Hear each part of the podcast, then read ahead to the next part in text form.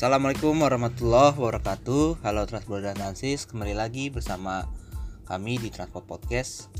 Kali ini ada gue Haikal Ada David Henok, ada Azam Torik dan ada Ahmad Rafi Yang menemani kalian uh, di episode ke 132 Yang mana kita bakal ngomongin soal by the service uh, bis kota yang ada di Indonesia nih apakah uh, konsep by the service itu sebagai penyelamat angkutan kota kah? Atau hmm, cuman krecok-krecokin aja? Nah tapi sebelumnya gini sih. Yang mau gue tekankan pada awalnya ya memang sudah puluhan tahun nih kota-kota di Indonesia tuh dilayani oleh sistem transportasi yang buruk tuh. Nah itu sebabnya juga banyak orang memilih ke kendaraan pribadi ya. Dan dari sisi pemerintah pun bertahun-tahun memusatkan upaya untuk memudahkan penggunaan kendaraan. Itu juga sih kendaraan pribadi. Dan dengan kecenderungan tersebut jadi menutupin tugas sebenarnya dari pemerintah nih dalam hal apa pun termasuk transportasi. Banyaknya pemerintah kota memilih tutup mata dan membiarkan angkutan umum yang beroperasi. Dengan model bisnis uh, supir harus mengejar setoran nih dan pelayanan yang buruk kendaraan yang juga udah bobrok ngetem penumpang dioper diturunin di jalanan dan macem-macem lagi yang uh, dulu-dulu sering dialamin ya. Jadi masyarakat tuh ya kalau naik kendaraan umum tuh harus tahu konsekuensinya lah ya. Nah dengan itu Kementerian Perhubungan nih punya terobosan dari kebentuan tersebut nih. Nah menggelar namanya program by the service atau BTS Skemanya itu pemerintah kota dibantu pengadaan bis dan juga operator. Lalu pemerintah membeli layanan pengoperasian bus dengan standar minimal tentu dari operator. Nah, program itu diniatkan sebagai pemicu supaya pemerintah kota menyadari kekeliruan selama ini dan mulai berkonsentrasi ini secara serius kepada upaya pelayanan warga dalam kaitannya dengan angkutan umum. Nah, dengan subsidi yang 100% itu secara nggak langsung sebetulnya diakui sebagai pelayanan untuk masyarakat nih. Bagaimana membiayainya uh, itu nanti kalau misalnya dicabut tuh uh, mau nggak mau ya pemerintah kota harus cari jalan sendiri. Tapi sebenarnya sih program itu baik ya. Uh, dengan adanya the service ini mengajak orang naik kendaraan umum lagi. Nah di episode kali ini kita uh, lebih uh, menekankan lagi nih uh, konsep-konsep by the service itu sebenarnya baru ada 2020-an ini kah? Apa secara nggak langsung udah ada dari dulu ya? Nah let's stay tune aja ya. Kita tahu yang pengoperasian bus kota dengan sistem BTS pertama itu adalah TJ lalu disusun Transmarang yang masih bisa bertahan mandiri sampai sekarang lalu banyak lalu banyak tuh kota-kota lain dengan kota keras-kerasnya tapi tapi operasionalnya keong. Nah sebelumnya ke teman bus yang lagi rame kita mulai dari Transjateng dulu nih. Gimana sih program Transjateng itu? Oke di sini kita bahas Transjateng ya. Jadi ini tuh sistem BRT atau bus rapid transit yang dioperasikan di bawah dinas perhubungan Jawa Tengah jadi layanan ini tuh mencakup wilayah Jawa Tengah dan juga beroperasi uh, menurut aglomerasi perkotaan. Nah, BRT ini tuh mengadopsi sistem yang sama kayak BRT selain Transjakarta ya, khususnya Trans Semarang. Yakni halte yang di haltenya didesain khusus nih agar penumpang dapat naik ke armada walaupun tanpa halte transit. Karena ya layanan ini belum memiliki sistem persilangan antar koridor dan tanpa jalur khusus BRT pastinya. Nah, selanjutnya layanan ini diluncurkan ya oleh Gubernur Ganjar Pranowo di Terminal Bawen nih dengan koridor pertamanya tuh stasiun Tawang sampai ke Terminal Bawen di daerah aglomerasi Kedung Sepur. Untuk waktu tempuh nih, waktu tempuh dari dan kedua titik pemberhentian di setiap koridornya tuh berada pada kisaran 1 hingga 2 jam. Nah, kalau masalah tarif nih kita bahas tarif. Tarif yang dikenakan penumpang itu sebesar Rp4.000 ya cukup murah ya, untuk penumpang umum dan Rp2.000 untuk guru, veteran, dan pelajar dengan kartu pengenal. Nah, terus juga tak lupa untuk uh, jam sostek ya. Jadi udah ada pembagian tarifnya gitu. Nah, sekarang aku mau nanya nih, apa sih teman bus itu? Oke, teman bus ya. Jadi teman bus itu sebuah singkatan sebenarnya sih Nah, singkatan itu dari transportasi ekonomis, mudah, aman, dan nyaman. Teman bus. Nah, gitu. Nah, jadi teman bus ini adalah sistem transportasi ya, angkutan cepat bus atau yang biasa kita sebut bus rapid transit BRT Indonesia nih, yang beroperasi di berbagai kota sebagai layanan berkonsep by the service. Nah, layanan ini diinisiasi oleh Kementerian Perhubungan Republik Indonesia tujuannya itu untuk maksimalin perkembangan BRT nih dari program yang sebelumnya udah ada diinisiasi di beberapa kota. Hmm, pada tahun 2017 kalau nggak salah. Ya tapi dengan perkembangannya yang belum bagus sih. Nah layanan ini tuh biasanya dioperasikan bersamaan dengan layanan BRT yang operasi di kota itu gimana sih sejarahnya teman bus itu sampai sebanyak sekarang ini? Nah, sejarahnya nih ya, itu dimulai dari perencanaan terus pelaksanaan. Nah, kalau perencanaannya ya, perencanaan sistem pembelian layanan itu udah dimulai dari Juli 2019 ya. Tapi pada awalnya itu direncanakan ada tujuh kota sebagai kota percontohan dari Kemenhub yaitu Pasar, Bandung, Bali, Palembang, Yogyakarta, Surabaya, dan Sorong nah dari pihak Kemenhub ini menilai program ini tuh bisa menggantiin beberapa program pelimpahan BRT yang diinisiasi tahun 2017 yang dianggap kurang baik dalam pelaksanaannya.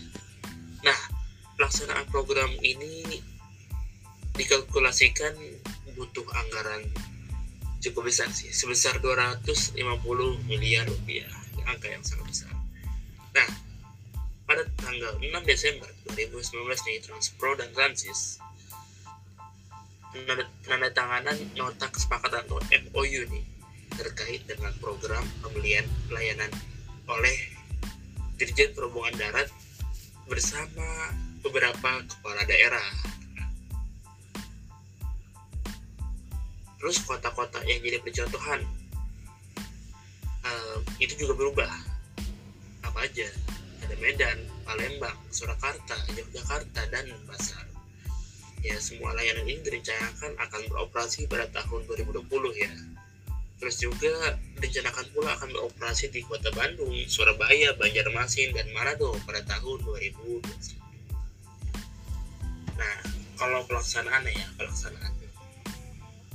Jadi layanan teman bus ini pertama kali dioperasikan di Kota Palembang ya sebagai kota percontohan pertama nih kapan tuh? Pada tanggal 2 Juni 2020. Bekerja sama dengan Transmusik.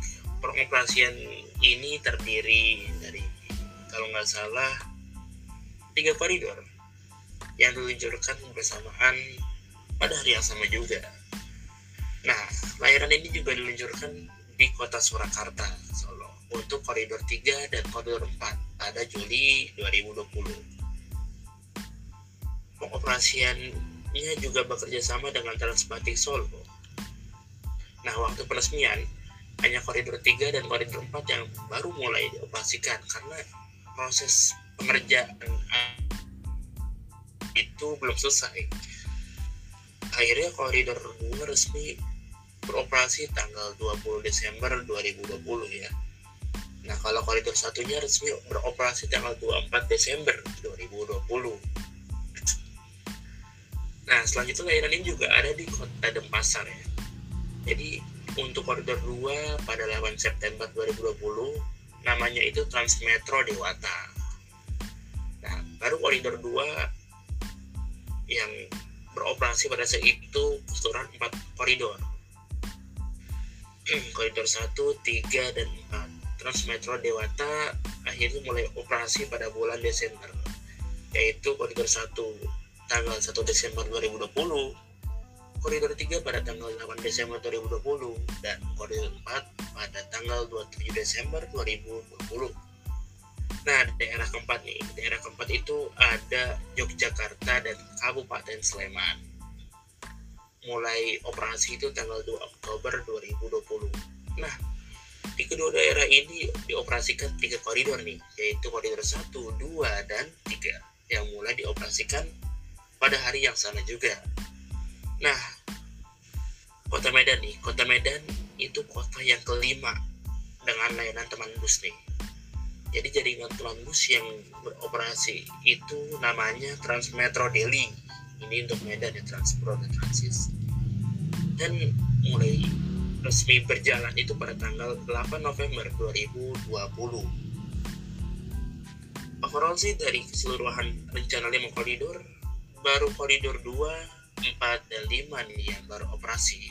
Sementara itu koridor lainnya dalam proses pembangunan. Jadi kita stay tune nah gue pengen nanya nih tapi kan ada juga nih modelan program kayak teman bus tapi khusus angkutan kota Jabodetabek ya namanya itu bis kita. Nah itu kayak gimana sih?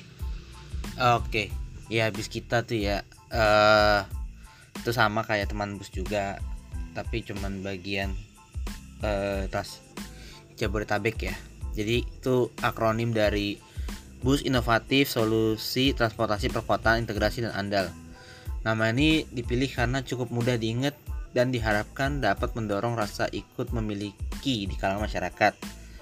Lalu eh, ada tambahan dikit tuh embel-embel integrated by BPTJ. Memang kan eh yang megang Jabodetabek nih BPTJ ya gitu. Terus ada tagline-nya juga pilihan cerdas bermobilitas Eh, yang menjadi eh, sebutan yang mewakili keseluruhan konsep layanan BRT yang dikembangkan di Jabodetabek.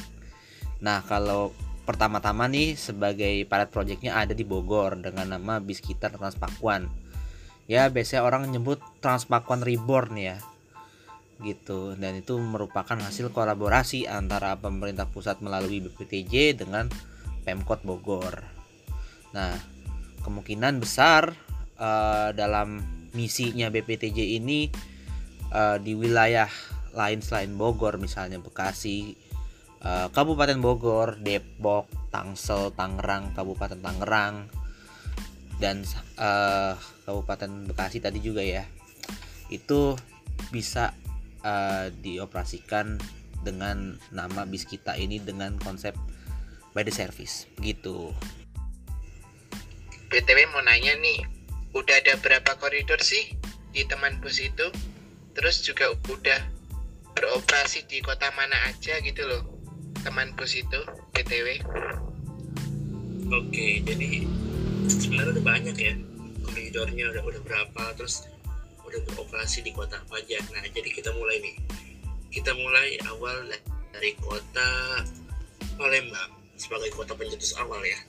Nah jadi seperti yang gue bilang tadi ya. Jadi kota Palembang ini kota pertama nih first dengan sistem pembelian layanan oleh teman bus.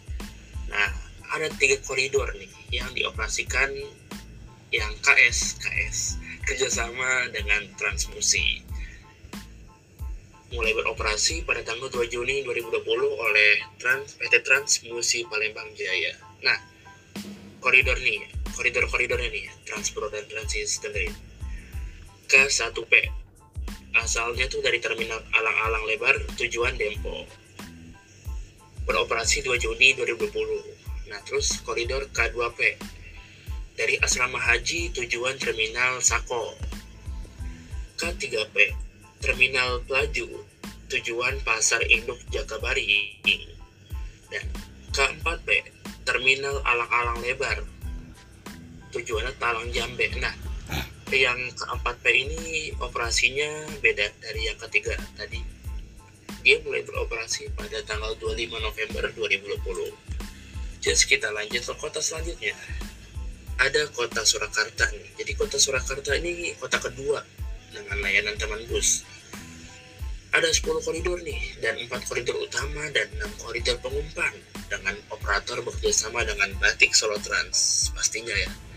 Nah ini mulai operasi kalau koridor 3 dan 4 itu pada Juli 2040 4 Juli. Nah saat ini keseluruhan 10 koridor telah beroperasi sepenuhnya nih. Empat koridor utama dioperasikan oleh PT Bengawan Solo Trans, sedangkan koridor pengumpan dioperasikan oleh PT Transportasi Global Mandiri. Oke, untuk koridor utama nih ada K1S nih dari Bandara Adi, Bandara Adi Sumarmo ke Terminal Balur. Terus juga K2S dari sub Terminal Kerten sama ke Terminal Balur juga itu dioperasi pada tanggal 29 Desember 2020. Nah, ada tiga koridor nih yang dioperasikan pada 4 Juli 2020. Ada K4S dan K5S itu asalnya dari Terminal Kartasura. Tujuannya ada yang ke Tugu Cemengan, Terminal Palur, via Tirtonadi, terus Simpang Sidan. Nah, ada juga K6S selanjutnya nih dari Terminal Tirtonadi ke Solo Baru itu operasi ya pada tanggal 31 Desember 2021 ya setahun setelahnya ya nah ada koridor pengumpan nih koridor pengumpan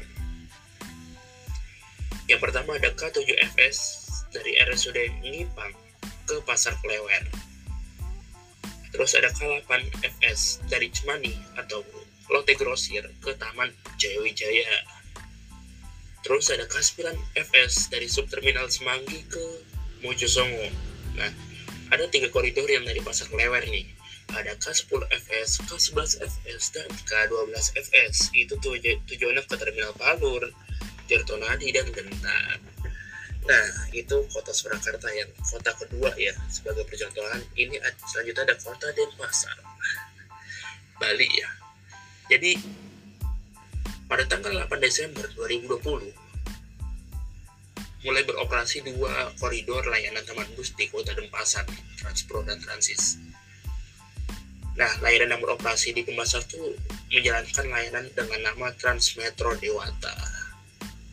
Ada empat koridor yang beroperasi dengan 105 armada bus berpintu rendah atau low entry ya. Nah, itu dioperasikan oleh konsorsium PT Satria Transjaya. Nah, koridornya tuh apa aja? Pertama, ada K1B dari sentral parkir Kota Badung. Tujuannya terminal persiapan Tabanan. Nah, itu jam operasionalnya tuh jam 4 sampai jam 9 malam nih catat ya. Terus ada K2B dari Bandara Ngurah Rai ke Gor Ngurah Rai. Beroperasi dari jam setengah lima sampai jam setengah lima pagi sampai jam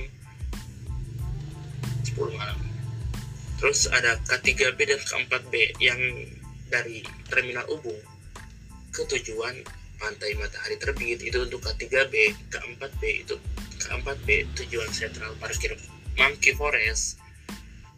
Terus juga ada yang terakhir ada K5B dari sentral parkir Kuta menuju Terminal Ubung itu jam operasionalnya kalau nggak salah setengah lima pagi sampai jam 11 kurang mas 11 eh 11 kurang eh 10 kurang seperempat ya 10 kurang seperempat. Kalimat tuh nah, baru tuh ya iya ini baru. Hmm, baru sih bisa bilang soalnya kemarin banget nih 17 Februari 2022 masih hmm. hangat-hangat nih. Hmm. nah, terus kota selanjutnya nih ada kota Yogyakarta. Jadi Yogyakarta ini itu daerah keempat ya dengan layanan teman bus. Terus rute yang beroperasi nggak hanya dalam kota aja sih tapi juga ke Kabupaten Sleman jadi ada tiga koridor nih dengan bekerja sama dengan Trans Jogja yaitu PT Jogja Tuku Trans.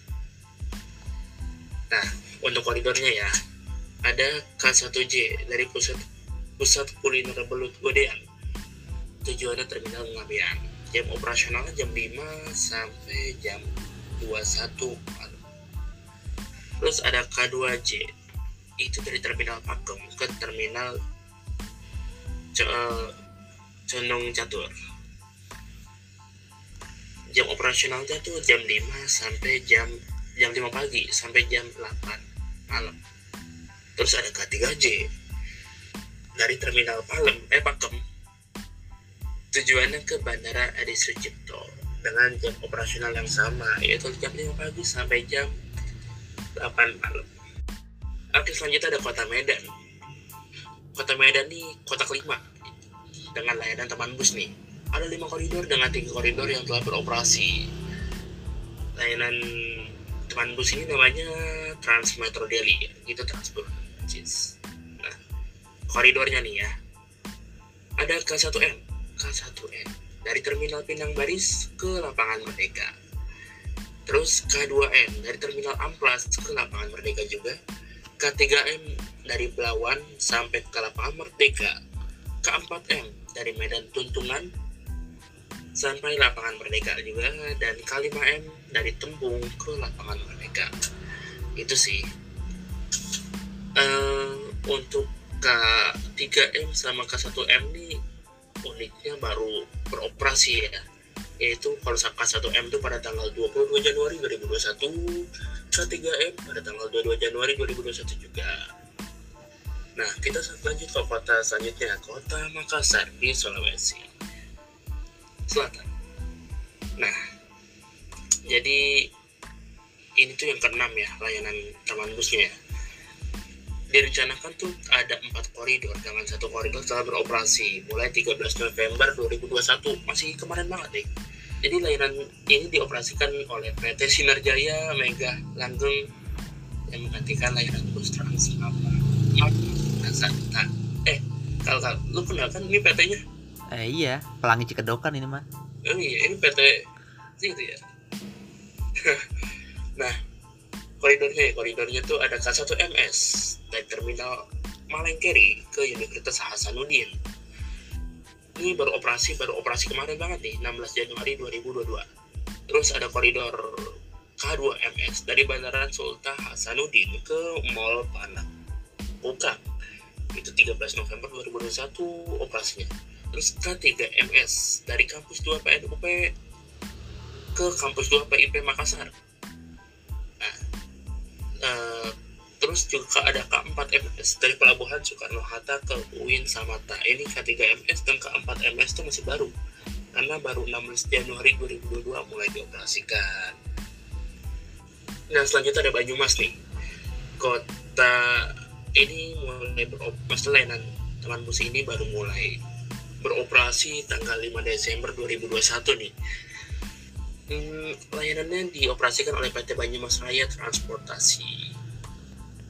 Nah, e, untuk koridornya ya ke 1 BM itu dari Pasar Pon ke Terminal Aji Barang. Itu jam operasional nyatat ya. Jam 5 pagi sampai jam 9 malam ada K2 BM dari Terminal Notok ke Terminal Batu Raden jam operasional sama. Dan terakhir ada K3 BM itu dari terminal Blup itu ke terminal Kebun Dalam. Jam operasional dari jam 5 pagi sampai jam 9 malam juga. Untuk K2BM ini masih masih baru ya karena masih di, baru dioperasikan tuh tanggal 16 Januari 2022 selanjutnya kita ke kota eh ke kota ke Pulau Kalimantan. Kita bahas Banjarmasin nih kita jadi langsung aja ya. Koridornya itu ada K1BJ terminal kilometer KM17 ke terminal Simpang 4 ini masih direncanakan ya jadi belum beroperasi. Terus ada K2BJ Taman Siring KM0 Banjarmasin ke terminal KM17 itu mulai beroperasi baru kemarin 15 Februari 2022 terus ada K3BJ dari terminal Handi Handil Bakti ke terminal Simpang 4 via terminal KM6 itu mulai operasi itu masih kemarin juga 1 Februari 2022 dan ke-4 BJ nih yang masih direncanakan yang nantinya dari terminal KM17 ke Simpang 3 Bentol. Nah, kita ke kota Pasundan nih, kita bahas Bandung. Kota Bandung nih kota ke-8 dengan layanan teman bus. Ada lima koridor dengan dua koridor yang telah beroperasi. Layanan teman bus di Bandung ini disebut juga Transmetro Pasundan, ya kan? Ini dioperasikan oleh Prom Damri dan PT Big Bird Pusaka. Ya koridornya K1BD nih K1BD ya, mungkin eh, teman-teman transportasi yang mas yang di Bandung bisa catat lah ya. Ada koridor K1BD dari terminal Lewi Panjang ke Soreang via tol Soroja. Itu yang operatornya tuh damping tapi masih direncanakan nah terus ada K2BD alung al, dari alun-alun Bandung ke Kota Baru Parahyangan via stasiun Cimahi.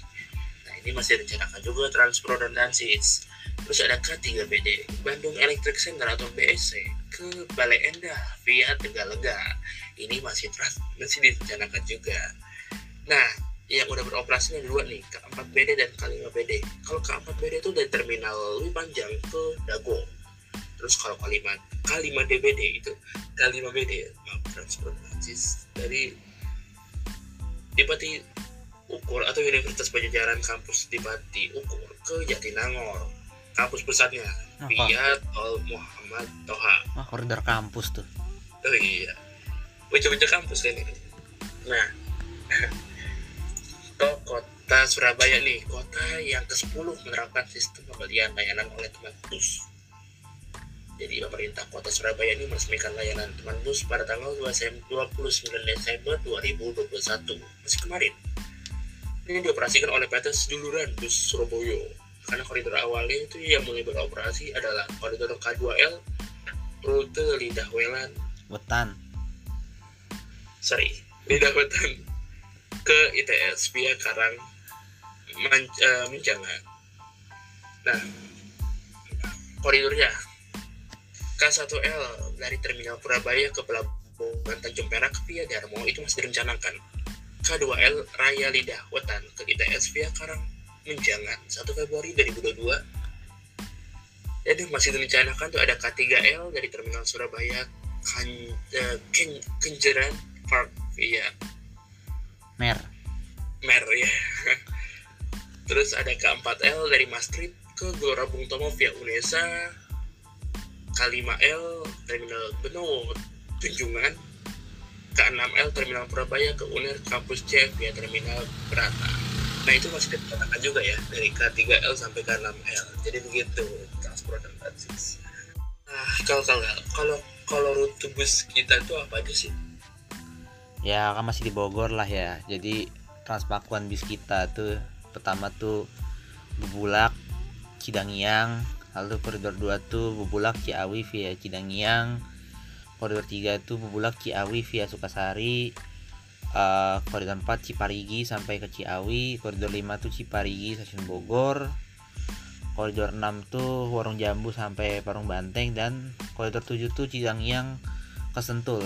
Eh yang ketujuh ini sih belum masuk ke bis kita ya cuman udah dioperasikan oleh PDJT tapi kalau untuk bis kita pertama itu untuk koridor 5 dari stasiun Bogor ke Ciparigi itu sih yang gua tahu ya sebagai angkutan bus aglo aglomerasi itu tuh rute Trans Jateng tuh udah ada berapa sih yang beroperasi? Oke, daerah aglomerasi ya. Ini yang pertama tuh ada Kedung Setepur, Kendal, Demak, Ungaran, Salatiga, Semarang, Purwodadi. Nah itu nomor koridor sesuai aglomerasinya itu satu. Itu nomor koridor sesuai peresmian nomor satu. Yang pertama, ya yang tadi itu nomor satu itu rutenya Terminal Bawen di Kabupaten Semarang, terus ke stasiun Semarang Kota, Kota Semarang. Dibuka 7 Juli 2017. Nah, terus ada nama sama juga ini ada tiga. Yang kedua itu nomor koridornya sesuai aglomerasinya nomor dua, nomor koridor sesuai peresmian nomor tiga. Rutenya Terminal Mangkang, Kota Semarang ke Terminal Bahu Rekso di Kabupaten Kendal. Oh jauh juga ini. Nah, itu operasinya 8 Oktober 2019. Nah, terus koridor sesuai aglomerasi yang ketiga nih, masih di Kedung Sepur nih rutenya itu terminal Penggaron di kota Semarang ke terminal Gubuk di Kabupaten Grobogan. Itu 13 Oktober 2021 terus daerah aglomerasi Berling Mas Cakep. Atau Banjarmanis Purbalingga Banyumas Cilacap Kebumen. Ini nomor sesuai aglomerasinya nomor koridor 1 dengan rute terminal Bulupitu di Banyumas ke terminal buka teja di Kabupaten Purbalingga. Selanjutnya aglomerasi Purwomangkuning, Purworejo, Wonosobo, Mungkin, Magelang, Temanggung. Itu nomor koridor sesuai aglomerasinya satu. Stasiun rutenya dari stasiun Kutuarjo di Purworejo ke terminal Borobudur di Magelang, Kabupaten Magelang. Yang terakhir ada aglomerasi Subo Sukawono Selatan.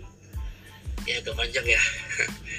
Jadi dari uh, Surakarta, Boyolali, Sukoharjo, Karanganyar, Wonogiri, Sragen, Klaten, atau Solo Raya. Itu rutenya Terminal Tirtonadi, Kota Surakarta ke Terminal Sumberlawang di Kabupaten Sragen. Nah, gimana sih sistem layanan dan sistem pembayaran program BTS ini?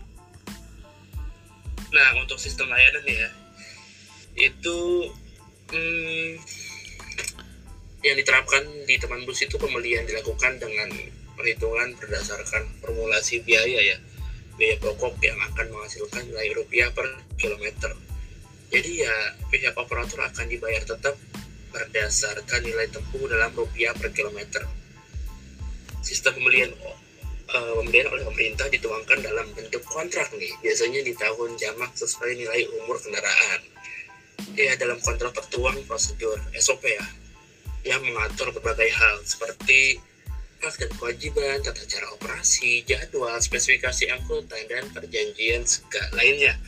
Terus segala bentuk pelanggaran operasi akan dapat dikenakan sanksi atau denda. Itu untuk sistem layanannya. Nah, untuk sistem pembayaran nih, teman bus hanya menerima pembayaran elektronik melalui kartu non tunai jadi kayak cashless gitu lah cashless. Nah apa aja sih? Ada tap cash flash e-money terus breezy. Nah penumpang melakukan pembayaran dengan cara tempelin kartu ke di, di perangkat membaca dalam bus.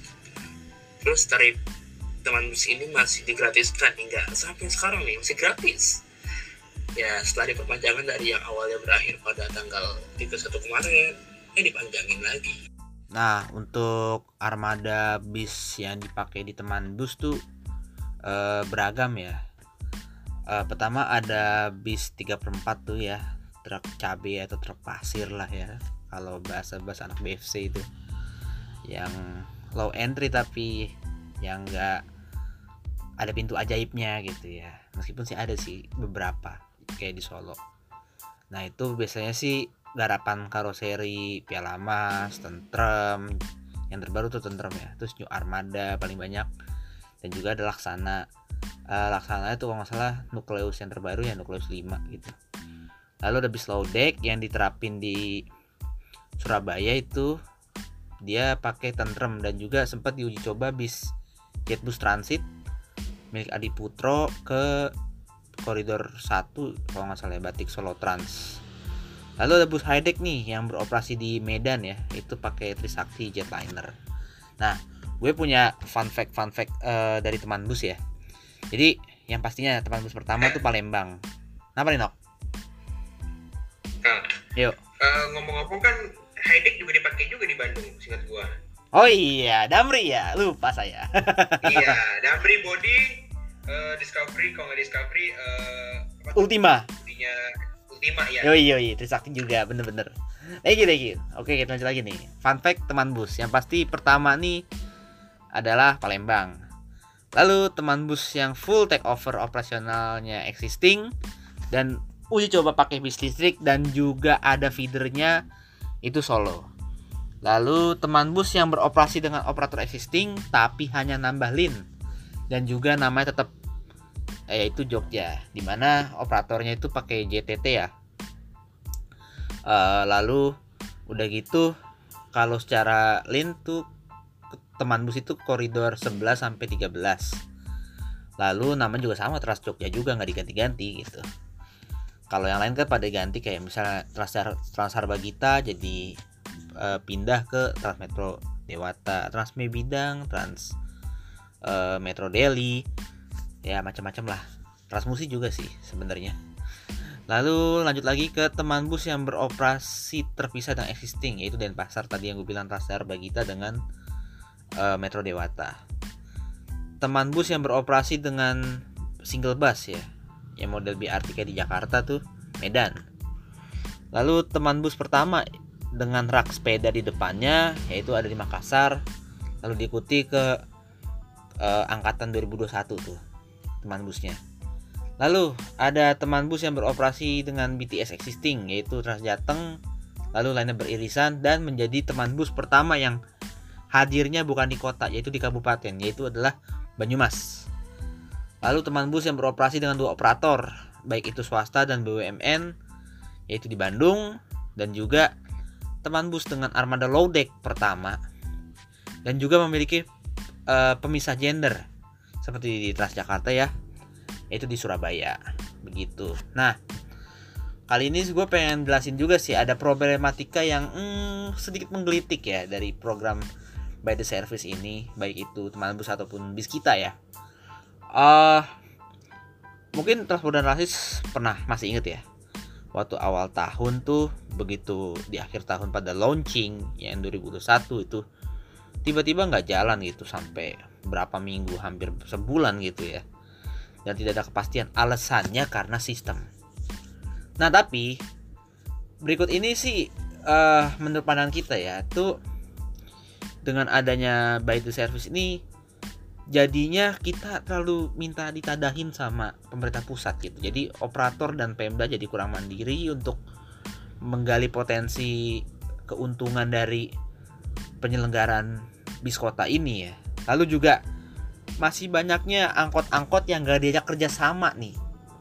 Kayak contoh di Makassar tuh. Koridor 2 yang dari mana namanya?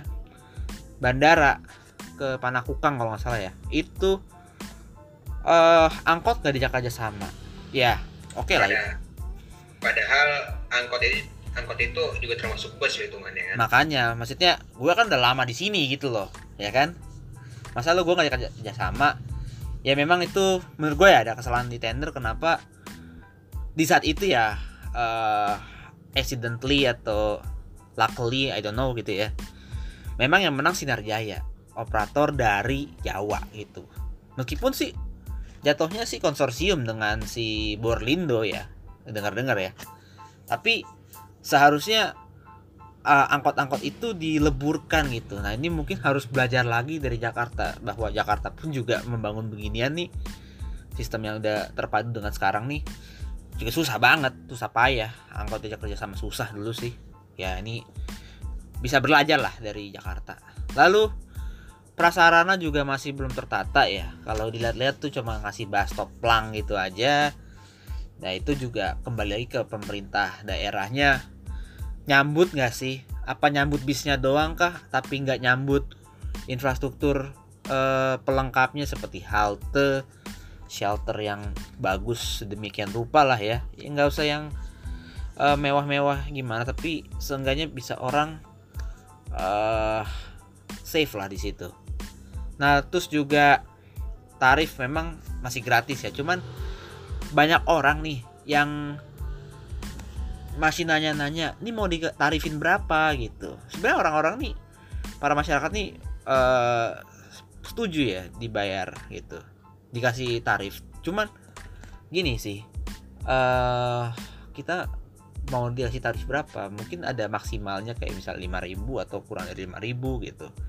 Jadi masih belum jelas nih. Dan juga ini agak sensitif sih tapi banyak juga konflik internal. Ya kemarinan sempat nih eh, PT Lorena cabut dari konsorsium bis kita di mana itu ada Lorena dan PDJT dan satu lagi apa? Nggak tahu gue lupa. Pokoknya itulah. PDJT itu BUMD-nya si Bogor ya. Tapi ya itu hal yang biasa sih dalam konsorsium. Karena gimana sih operator digabungin untuk mengoperasikan pasti ada slack manajemen masing-masing ya. But it's okay. Yang penting uh, masalah internal itu terjadi tapi output ke masyarakatnya itu um, harusnya ya harusnya itu bisa lebih memadai lagi. Jadi kayak seakan-akan nggak terjadi apa-apa. Yang penting sih itu. Jangan sampai kayak hari ini nggak beroperasi alasan demo uh, gaji belum dibayar segala macam ya itu salah loh gitu. Karena memang kalau lu sebagai pemerintah uh, sudah bersedia dengan adanya program basic service ya lu harus mensejahterakan rakyat lu. Lu harus merubah uh, pola pikir yang tadinya tuh diserahkan begitu aja. Jadi uh, harus namanya ngetem dan teman-temannya tadi yang gue jelasin di awal menjadi lebih tertata. Begitu sih. Oke ya seperti itulah kurang lebih uh, tentang program by the service itu. Jadi uh, terserah transport dan transis melihatnya sebagai apa? Sebagai penyelamat angkutan kota yang dulunya parah menjadi bagus kah? Atau masih ada yang perlu dievaluasi yaitu pendapat kita masing-masing lah ya. Yang penting kita telah ngasih informasi sebaik mungkin dan mohon maaf banget nih kalau ada kekurangan dalam penyampaian informasi tadi nih. Oke mungkin itu aja yang bisa kita sampaikan ya Transbulan Transis kurang lebihnya minta maaf wassalamualaikum warahmatullahi wabarakatuh